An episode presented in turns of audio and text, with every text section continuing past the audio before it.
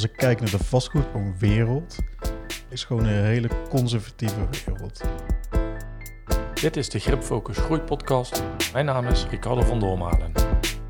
Ik denk dat we wel disruptief bezig zijn. We zijn vandaag in gesprek met Saido Blindenburg van Bluebrick Media en Team Verhuur. Bluebrick Media is een marketing- en communicatiebureau, jong bedrijf en start-up die zich vooral richt op de vastgoedwereld. Daarbij zijn ze baanbrekend bezig door gebruik te maken van nieuwe technologieën, klantvriendelijke aanpak die ze vanuit de marketing en communicatie goed kennen. Aan Saido vraag ik wat hun aanpak zo anders maakt. Dat we in alles wat we doen proberen concurrentieoverstijgend te denken en te werken. Ehm, dus daar waar wij concurrerend kunnen zijn, ehm, bijvoorbeeld op het gebied van marketing en communicatie, proberen we onze dienstverlening zo in te brengen dat we heel goed kunnen samenwerken en soms ook moeten samenwerken met onze concurrenten. Dat is gewoon een andere manier van denken. En Bluebrick Media en basis is ook echt marketing communicatie. Maar we hebben gezegd vanuit de marketing communicatie van ah, het is eigenlijk heel logisch om in bepaalde hoeken uh, die dienstverlening door te trekken. Uh, om dat concreet te maken voor vastgoedbeleggers uh, en institutionele beleggers in het bijzonder, verzorgen we tegenwoordig ook de nieuwbouwverhuur. Van, nou, kan Daar team verhuur. Vandaar Team Verhuur, ja precies. Ja. ja. Dat doen we inderdaad onder de naam Team Verhuur. Um, maar dat maakt dat wij eigenlijk de, het hele traject um, vanaf het bedenken van een conceptnaam voor een nieuwbouwproject tot en met de eerste nieuwbouwverhuur uh, kunnen verzorgen. Maar dat hebben we zo opgedeeld dat we hebben we modulair hebben we dat ingericht, zodat wij kunnen samenwerken met de traditionele makelaar. Mm Of met uh, andere marketing- en communicatiepartijen. Uh, en alleen dat al maakt dat wij nu soms in het vaarwater komen van concurrerende partijen. Maar doordat we het zo hebben ingericht, die concurrerende partijen ook onze samenwerkende partners moeten worden. Met een gemeenschappelijk doel voor onze opdrachtgever. Je bent eigenlijk aan, aan het streven naar een nieuwe werkwijze in de markt, waar eigenlijk je concurrenten in meegetrokken gaan worden, moeten worden. Nou, ik, ik denk, denk, dat dat inderdaad gebeurt. En dat komt vooral doordat we uh, ook heel erg online gefocust zijn. Nou, dat klinkt ook bijna vanzelfsprekend, uh, maar dat, uh, daar waar het veel gebeurt, gebeurt er nog veel meer niet. Ehm, en daar is ook ons hele verdienmodel op, op gebouwd. Dus ehm, gebruik te maken van bestaande automatiseringsoplossingen. Eh, nou, de, gewoon de online platforms en tools waarmee je een groot publiek kunt bereiken, potentiële doelgroepen. Uh, denk gewoon aan de, nou, de bekende social media. Maar al die tools en al die middelen, die hebben wij gewoon... Um, dat, is, dat, is onze basisset, uh, onze basisgereedschapskoffer. Uh, waar iedereen mee werkt bij ons. En dus niet iets is wat we erbij doen naast het traditionele. Maar dat is gewoon, gewoon onze manier van werken. Ja. Onze manier van doen. Um, waardoor het gewoon, gewoon... Het is vanzelfsprekend. Maar zo vanzelfsprekend als het nu lijkt... Dat was het in het begin niet. Zoals je bij veel start-ups ziet, is het hard werken en komt het succes niet gewoon aangewaaid. Daarvoor moet je elke dag opnieuw weer je uiterste best doen. En daarbij ga je onvermijdelijk door pieken en dalen. Nou, ik weet niet of het een dal is, uh, maar heeft wel gezorgd voor misschien wel nederigheid. Is het moment dat ik weer thuis in de garage zat, uh, wat ik net vertelde met mijn laptop, telefoon en de printer. Ja. Uh, dat ik dacht van oké, en nu. Um, en dat is ook vanuit een, een nou, eigenlijk de periode voor uh, dat ik het gevoel had van, nou, we gaan sky high. En dat was echt even, de rem ging erop en er terug bij af. Um, dus uh, ja, misschien was dat ergens ook wel een dal. Uh, want financieel stond toen ook niet zo heel rooskleurig voor. Dat was flink in de min. Ja, dus dat is wel zo'n moment. Ja. Wat heeft je eruit getrokken? Ja, gewoon de, de wil en de drive om uh, iets vets op te zetten. Ja. en, uh, Volhardendheid misschien. Ja, ik denk dat dat een heel belangrijk is. En, uh, en gewoon voor, ervoor te gaan. En ook vanuit de overtuiging um, dat het kan. en dat ik mezelf de vraag heb gesteld: waarom zouden anderen het wel kunnen en waarom zou het mij niet lukken? Ehm, dus ik denk dat dat heel belangrijk is geweest. Gewoon het geloof dat het, dat het kan en dat het mogelijk is. Uh, en misschien nog niet wetend hoe. Nu weet ik er ook nog niet al, altijd. Um, maar is er al veel meer, uh, veel meer richting. en die richting die heb ik toen, um, nou, daar heb ik de eerste stappen voor gezet. Ja, nu zijn er ook momenten dat, dat ik af en toe overweldigd word door ehm, bijvoorbeeld hoeveelheid werk. Dat ik denk, of, of uitdagingen. Ehm, en dat het eh, hele, hele lange dagen en hele korte nachtjes zijn. En van ik denk, oh, dat zal uh, twee, drie dagen, dan zijn we er wel. Maar dat dat uh, twee weken, drie weken duurt. Ja, dan heb ik het ook wel af en toe moeilijk. Ja. maar steeds als ik terugkijk naar die momenten of die periodes, dan zie ik wel ehm, dat er weer stappen zijn gemaakt. Dat er groei is. Dat we weer dat ik bijna wakker word en dat ik denk van, oh, wacht even. Uh, we hebben die, die lat die we hadden gelegd, die zijn we voorbij. De groei die Bluebrick Media heeft doorgemaakt is mede ingegeven door het feit dat Saidu niet in beperkingen denkt. Hij probeert te kijken waar de mogelijkheden liggen en met een plan van aanpak, planmatig, met focus, te gaan kijken of dat hij de lat hoger kan leggen om weer een volgende stap te maken. Maar dat is op zich wel mooi natuurlijk om, om te kunnen denken zonder beperkingen, want dat biedt natuurlijk heel veel mogelijkheden dat biedt heel veel mogelijkheden, tuurlijk, is het zo. Uh, en aan de andere kant zit er meteen een beperking in. Uh, ik ben geneigd door geen uh, onmogelijkheden te zien en heel veel dingen tegelijk te stappen, waardoor ik af en toe mijn focus verlies. Met allerlei ideeën wil starten en misschien wel bijna gefrustreerd raak omdat het niet allemaal tegelijk kan. Ja. Maar toch, als ik terugkijk naar waar bijvoorbeeld ooit ideeën zijn begonnen voor het bedrijf wat ik nu heb en punt waar ik stond op het moment dat ik ermee begon. En nu, ik denk een kleine twee jaar later. Ja, voor mij is dat wel het, het, het bewijs dat uh, er heel veel mogelijk is. En dat daar iets als focus heel erg belangrijk in is. En uh, nog steeds af en toe de verleiding om van alles aan te grijpen wat op mijn pad komt. Maar het, ik heb het wel zo over de hand. En Ja. Dat, ja, dat, dat vind ik heel belangrijk. En dat, dat voelt lekker. Ja. Ja. Maar je loopt dus ook wel, ondanks dat je niet denkt aan beperkingen, loop je af en toe toch wel tegen beperkingen aan, begrijp ik. Ja, Onvermijdelijk, waarschijnlijk. Ja, en, en, en 9 van de 10 keer moet ik dan ook tot de conclusie komen dat, dat ik weer die beperking ben. Eh, en dat klinkt misschien voor heel veel ondernemers heel herkenbaar. Dat je kansen en mogelijkheden ziet. Eh, dat je die wil aangrijpen, er iets mee wil doen. Omdat je gelooft dat je het verschil kunt maken. En wat voor branche of wat voor hoek dat dan ook is. En op het moment dat je daarmee start, dat je alleen maar meer, meer en meer ziet. En het liefst dat allemaal tegelijk beter wil pakken. Maar op het moment dat je even de rust voor jezelf pakt en, en heel planmatig stappen neemt om eerst het eerste stukje beter pakken, waar te maken en vanuit daar verder te gaan, dat het op termijn uiteindelijk veel meer oplevert. En dat is ook misschien wel de belangrijkste les die ik de afgelopen jaren heb geleerd. Dat op het moment dat ik eh, heel bewust keuze heb gemaakt van oké, daar wil ik naartoe, daar ook in vast heb gebeten, dat dat, ja, dat, dat nu ook het meeste eh, oplevert uiteindelijk. Ja. En dan denk ik even aan de titel van de podcast, Grip, Focus, Groei. Dus doordat jij eh, focus kunt aanbrengen, merk je nu dat je ook groei kunt doormaken door het planmatig aan te pakken. Ja, en dat die ook doorgemaakt wordt. Want het, het eh, marketing- communicatiebureau wat ik had, of ben gestart vanuit de positie dat ik nog bij de landmacht werkte. Ook in dezelfde periode was ik bezig met, eh, met de opleiding marketing communicatie. Daar waren we heel breed georiënteerd. Eigenlijk, we, we, we pakten ook alles aan. We zijn met z'n tweeën begonnen toen. Nou, op een gegeven moment kwam er iemand bij. En na een tijdje waren we met vijf, zes, zeven personen. En nog steeds deden we alles. Van, van aanmerken tot en met ZZP'er eh, op de hoek. En ook in de, in de dienstverlening was het gewoon le- letterlijk alles wat, wat er gevraagd werd, dat deden we. En z- daar zat een zekere groei in. Maar als ik nu terugkijk naar toen, waren we op zoveel vlakken tegelijk bezig, dat dat ook meteen onze rem was. Nou, op een gegeven moment is daar vastgoed een heel belangrijk onderdeel in geworden. Daar hebben we ook een apart labeltje voor opgezet toen we merkten, hey, die vraag wordt groter. En toen voelde ik wel van, oké, op het moment dat we meer gaan specialiseren en focussen, is onze positie veel duidelijker. Onze positionering wordt veel helderder voor, voor partijen.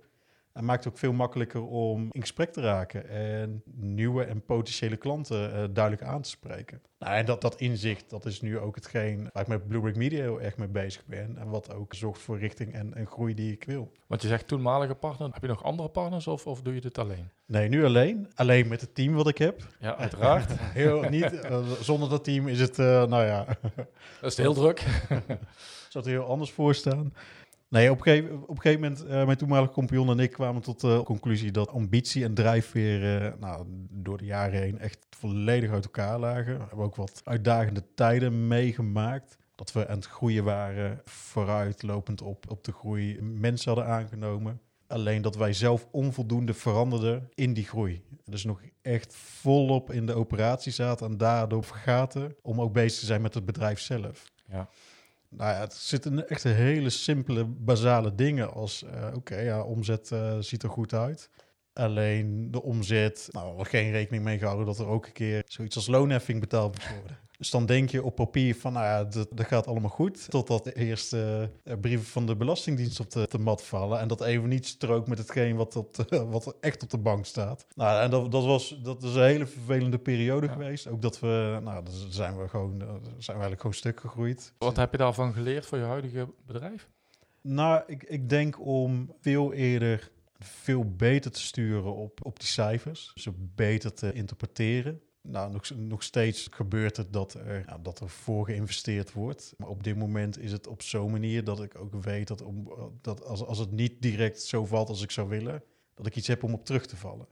En ik denk dat ook heel belangrijk is, is een hele belangrijke les is geweest om op het moment dat je ook maar iets van signalen krijgt dat het de andere kant op kan slaan, om daar meteen naar te handelen. En toen hebben we denk ik te vaak gedacht van, ah, dat gaat wel goed komen. Of oh, als die opdracht valt, dan trekken we dat wel weer recht. En als dan zo'n opdracht niet valt, dan heb je gewoon een, eh, een uitdaging. Ja.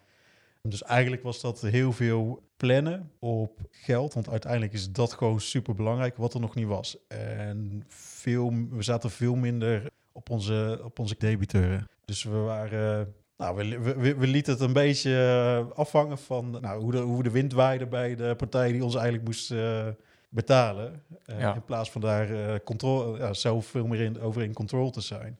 Dus ik denk dat ik, dat ik daarvan heb geleerd om meer, meer te sturen, meer grip en controle te pakken over alle opdrachten eh, die vanuit de dienstverlening worden, worden uitgezet, worden uitgevoerd.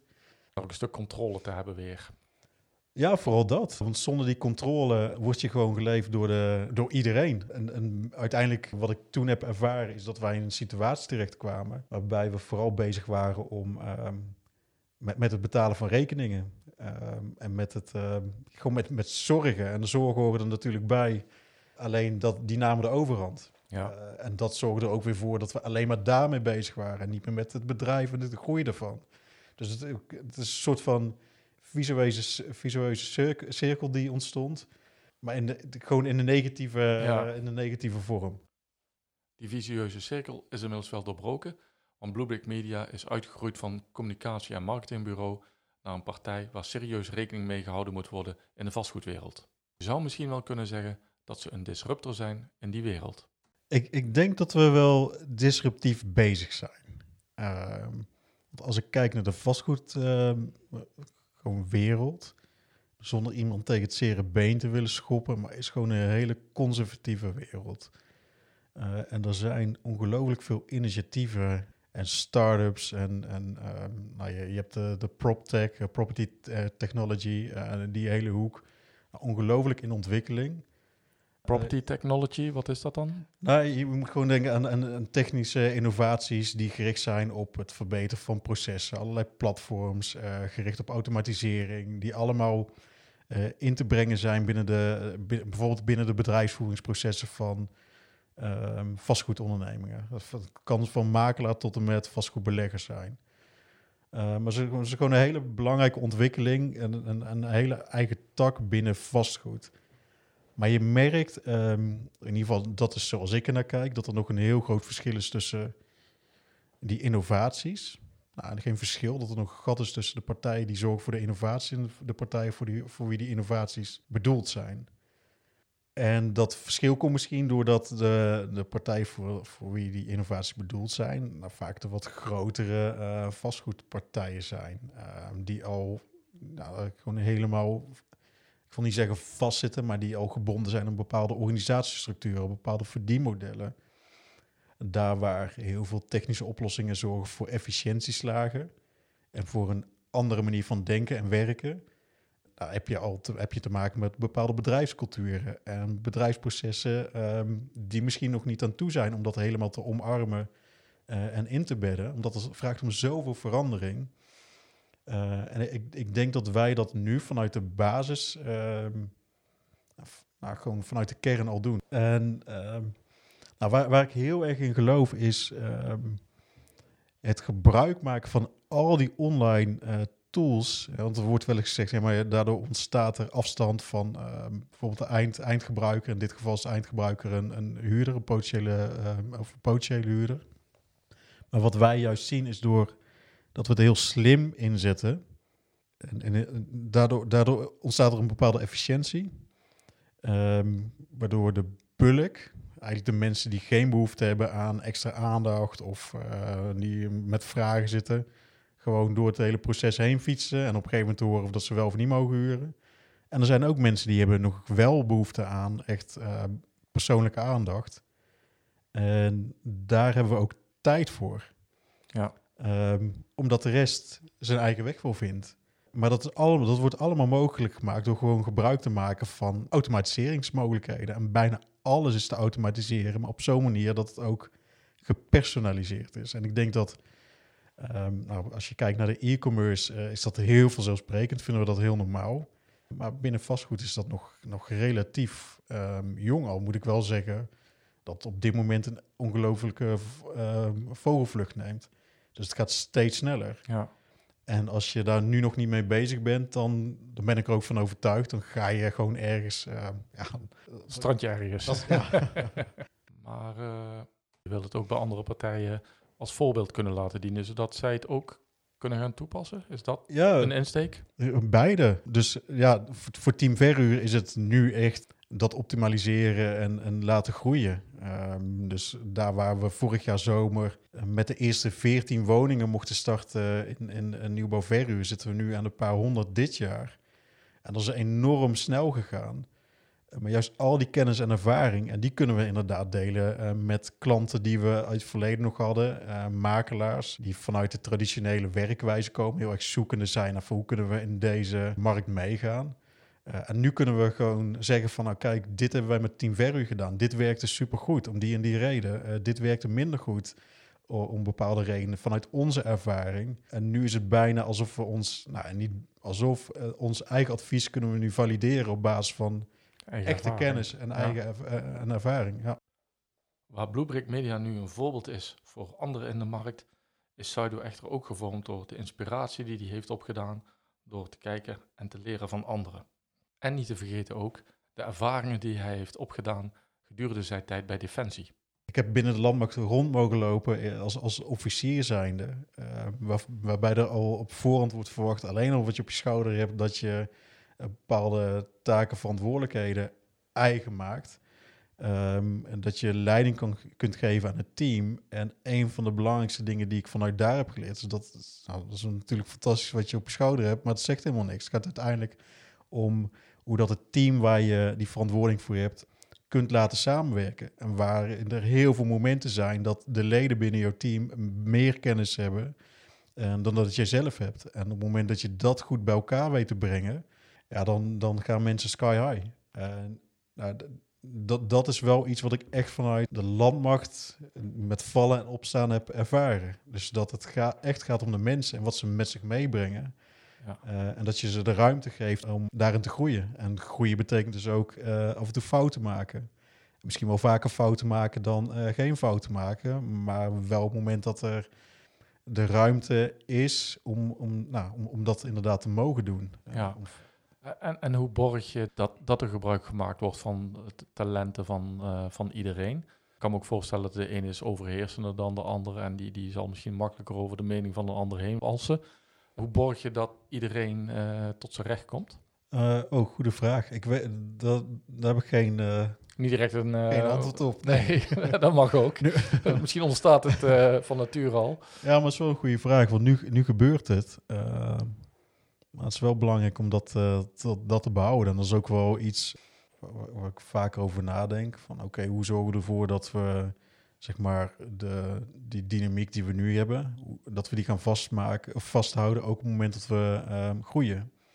Uh, en dat we, dat we ervoor waken dat we dadelijk juist die kracht die in de mensen zit, niet helemaal plat slaan in uh, echt helemaal strakke, vastomlijnde procedures die nu uh, die, wat ik net al zei, dat werkproces is nu onze rode draad. Um, maar dat moet geen keurslijf worden. Nee. Um, en dat is, dat, is, ja, dat is wel heel belangrijk om dat uh, in de gaten te houden. Maar dat, uh, het, de, het antwoord op de vraag hoe borg je dat, daar ga ik vanavond eens over nadenken. Nou, misschien een, een, een hulp daarbij. En eh, ik moet eerlijk zeggen dat ik het boek niet helemaal eh, gelezen heb. Maar eh, je hebt een, eh, een grote eh, belegger in Amerika, Ray Dalio. Die heeft een boek geschreven, Principles. Maar die heeft ook gemerkt van, goh, weet je, mijn mening alleen, eh, ja, daar kom ik er niet mee. Het gaat om het team en eh, het team als geheel. Die kan tot een betere mening komen, een beter eindresultaat dan ik in mijn eh, beperktere denkkracht.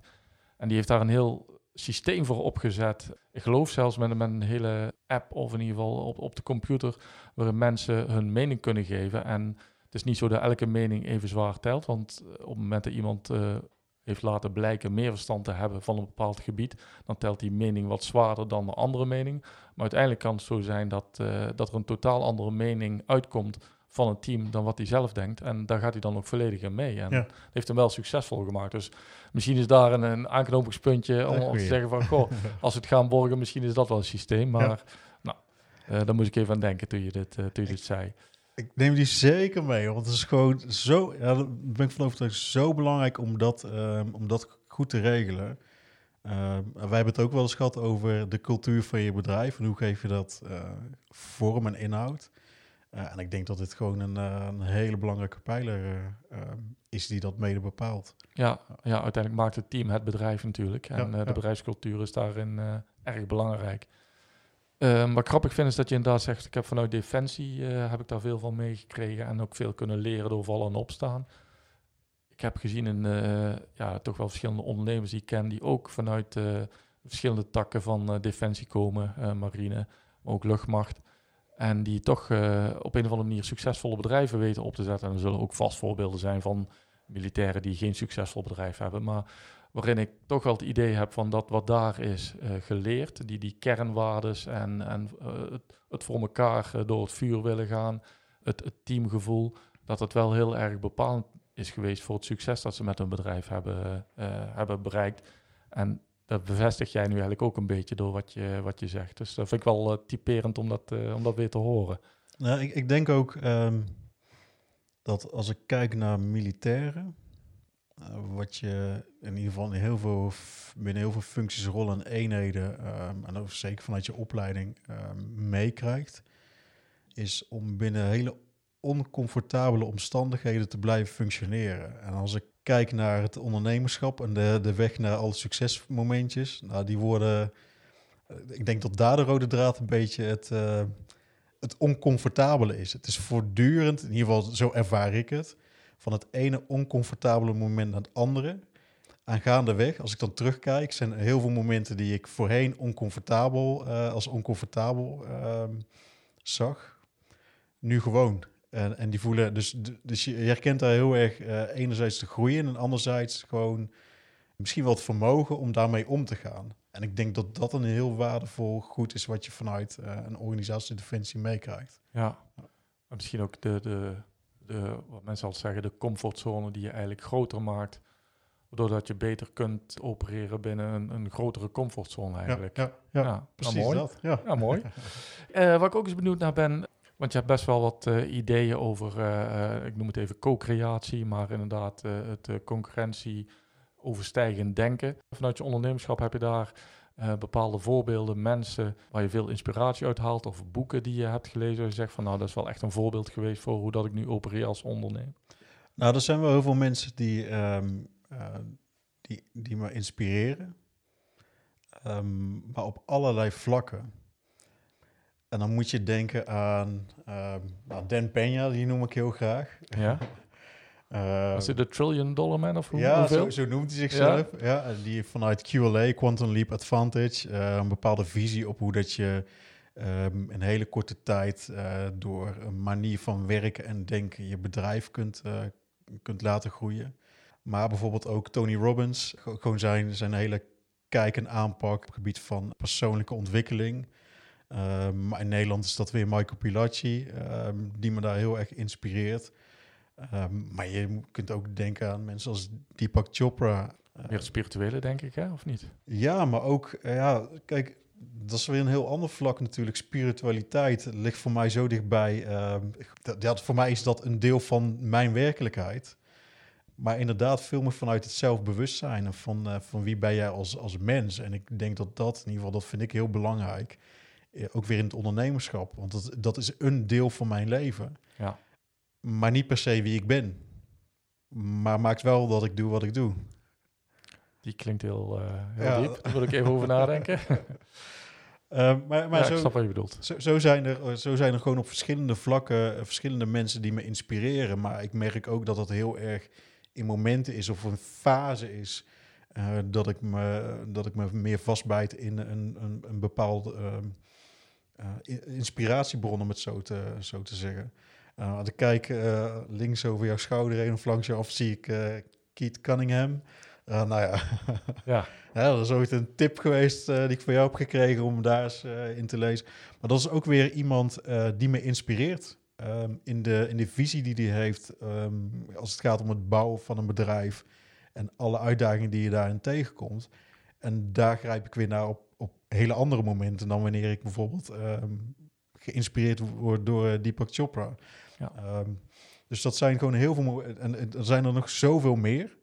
Dus het, het, nou, er, zijn, er zijn heel veel mensen eh, naar wie ik kijk en eh, naar wie ik heel graag leer. Maar het zijn ook gewoon mensen in mijn directe omgeving. Ook mijn vrouw, op bepaalde vlakken is zij zo anders dan dat ik ben. Nou, dat, eh, dat wrijft af en toe, zoals het hoort. Maar dat zorgt er ook voor dat zij mij eh, bewust maakt van, eh, nou ja, de dingen die ik anders zou kunnen doen. Of eh, hoe dat ik anders naar de wereld zou kunnen kijken. waardoor je eigenlijk groeit als persoon. Ja, precies. Ja, en dat, daar zit ook een vorm van inspiratie in. En dat, dat haal ik ook op bepaalde momenten uit mijn kinderen. Dus zo, zo zijn er heel veel momenten en heel veel mensen die daar een bijdrage aan, aan leveren. Ehm, maar als je het hebt over gewoon bekendere personen, zijn dat die ik net noemde er een aantal van. Nou ja, elke inspiratie is natuurlijk belangrijk. En eh, het gaat erom wat je eruit haalt en wat je eh, beter maakt als, als, ja, natuurlijk in eerste instantie als mens, maar ook als, als ondernemer. En ja, voor, voor mensen die eh, naar deze podcast luisteren, heb je daar wellicht een, een, tip voor van nou, dit, dit boek of deze persoon, eh, misschien YouTube-video's die die heeft, die eh, heeft mij in eerste instantie wel op een, een bepaalde weg gezet. Of die zou ik echt aanraden om daar eens eh, naar te luisteren of, of dat boek te lezen. Nou ja, een boek wat mij ook wel echt geïnspireerd heeft weer. En dat, dat is een Nederlandse vertaling eh, van, of een, eh, van Michael Pilacci. Dat is ehm, Think and Grow Rich Ja. van Napoleon Hill. Dat vind ik een heel inspirerend boek. is geschreven jaren 20, 30. Ehm, maar ik denk nog steeds waar. En dat, ik, ik denk dat dat heel krachtig is van het, eh, van het boek. En dat het ook weer gaat over een bepaalde denkwijze. Eh, ik, ik denk dat de kern is, of de beperking weer zit in jouw denken. Maar dus in jouw denken zit ook, eh, zit, zit, zitten ook alle mogelijkheden. In ieder geval, dat haal ik eruit. Dus dat, dat, is, dat is er wel eentje van, van de afgelopen tijd. Ja, en iemand die me heel erg heeft geïnspireerd, die heb ik net niet genoemd, is Wayne Dyer. En die heeft ja, verschillende lezingen en filmpjes op YouTube. En Ja. die, die gaan zo erg over het leven, wie jij bent als mens. Nou, dat, vind ik, dat vind ik gewoon heel, heel sterk. Dat is ook iets, dat moet je gewoon kijken. En je eigen dingen uithalen. Ja, wat, wat, precies. wat- ja, precies. Moet je mij vooral niet laten vertellen. Ja, wat, wat heb je nog voor ogen? Wat, wat, de sky is the limit, zeggen ze wel eens. Je Ja. dacht al niet in beperkingen, dus volgens mij moeten we verder dan de sky, moeten we het heelal in. Nou, als, als, ik, als ik echt kijk naar, ehm, en misschien is dat ook wel een deel van, eh, van wat mij drijft, ehm, is dat ik hoop te creëren dat de mensen in mijn directe omgeving ehm, een, een comfort, ik wil niet zeggen een zorgeloos leven kunnen leiden, maar een comfortabel leven. En vanuit die comfort de ruimte ontstaat om ook weer impact te hebben of iets te kunnen betekenen voor anderen. Eh, en wat, wat echt een wens is die ik heb. Ik heb een Nederlandse moeder, een vader van Curaçao. En als ik kijk naar mijn familie op Curaçao en de buurt waar mijn vader is opgegroeid en waar een groot deel van mijn familie nog leeft, ja, dan denk ik dat ik vanuit een hele bevoorrechte positie ben opgegroeid. En ik, ik hoop dat ik dat ooit kan, of kan geven aan, aan, aan een familie en de mensen die dat, die dat, die dat minder hebben. Met, in het bijzonder Curaçao. Dat is echt een soort droom die ik heb om daar ja, in ieder geval in de, in de positie te zitten om een wijken eh, op te kunnen knappen. En, en, ehm, en daar iets te creëren waardoor in, het bijzonder een- een- dat stuk, die, die kansen misschien ja, gelijker zijn. Uh, en dat gaat heel erg over het bieden van vooruitzicht en perspectief. Over uh, dat het ook anders kan. En vaak moet je daarvoor voorbeelden krijgen of mogelijkheden krijgen in je directe omgeving om dat ook te zien. Dus als je het hebt over een grote droom, dan is, is, dat, er, ja, is dat er wel echt een. Uh, wel heel mooi. Ja. En dan zeg je wijken opknappen. dat denk meteen aan vastgoed, maar dat, dat is een toevalligheid, denk ik. Nou, is een, uh, dat is een toevalligheid. Uh, dat klopt, ja. Even moet daar. Ja, dat is toevallig. Uh, nee, maar het zitten hele simpele dingen als... Nou, als je, als je gewoon kijkt naar, naar Curaçao en uh, nou, het verschil daar tussen arm en rijk. En dat, nou, dat, dat is zo enorm groot. En dat vond ik ook wel mooi dat het afgelopen week uh, aandacht heeft gekregen. Op NPO 1, uh, initiatief van Jandino. Um, dat het wordt uitgelicht en nu helemaal in het kader van alles waar we middenin zitten, COVID. Uh, nou, maar terwijl dat ook al voor die tijd uh, aanwezig was. Misschien wel altijd aanwezig is geweest, maar heel erg onderbelicht is geweest. Uh, nou, en als ik gewoon kijk naar dat dat heel dicht ligt bij waar ik vandaan kom, waar mijn vader vandaan komt, ja, dan gaat me dat wel aan het hart. En dan, dan, ja. nou, dan wil ik daar iets in. Want je, je bent zelf niet op Curaçao opgegroeid, toch? Verder nee, uh, nooit nee. gewoon Nederland geboren. Ja, ja, ja. Maar wel uh, nauwe betrekkingen en natuurlijk uh, familie die daar woont. Ja. Wel ook vaker geweest wellicht. Ja, veel te weinig. Veel te lang geleden. Ja. maar dat, dat, maakt niet uit. Dat, komt goed. E eerst hard werken om dan vervolgens daar de aandacht aan te kunnen besteden. Precies, maar wel een heel mooi doel, denk ik, als je dat inderdaad in eerste instantie voor de naaste van jezelf kunt creëren. En tegelijkertijd ook, ook wat, misschien wat verdere familie ook weer vooruit kunt helpen. Um, ja, nee, ik, ik denk ook, um, daar geloof ik zelf heel erg in. Bijvoorbeeld een van de dingen, en sommige mensen vinden dat heel erg raar, maar wat ik op een gegeven moment voor heb gekozen, is om veel minder bezig te zijn met het nieuws. Gewoon het nieuws, wat, uh, wat uh, het journaal kijken, dat soort dingen. Dat ik me er op een bepaald moment bewust van werd. Ik komt er een vanuit een van die mensen die ik straks noemde, van oké, ik kijk dat. Ik vind er van alles van. Ik ben er onbewust mee bezig, alleen ik doe er niks mee. Um, en dat ik ergens bewust voor heb gekozen als ik er nu voor zorg dat ik mezelf e eerst focus op mezelf en mijn directe omgeving. En ervoor zorg dat dat goed is. En dan kan het misschien wel een sneeuwbal-effect uh, hebben. En dat je, dat je op die manier ook heel dichtbij impact kunt maken. En dat het niet altijd groot hoeft te zijn. Dus dat is waar ik nu sta. En waarvan ik hoop dat dat groter kan worden.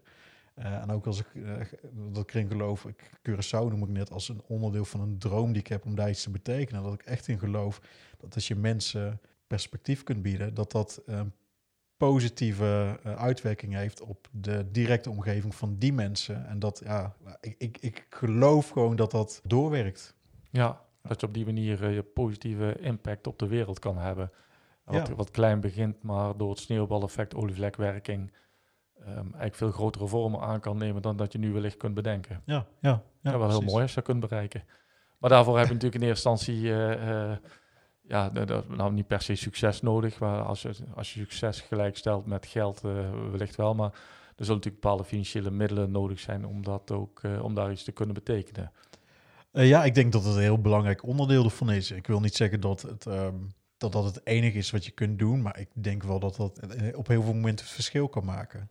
Uh, ja, dus ik, ik denk, ja, dat, dat, geloof ik wel. Ja. Hebben wij bepaalde onderwerpen die, uh, waar ik gewoon te dom ben om niet, niet na te vragen, maar die. Uh... nou, nee.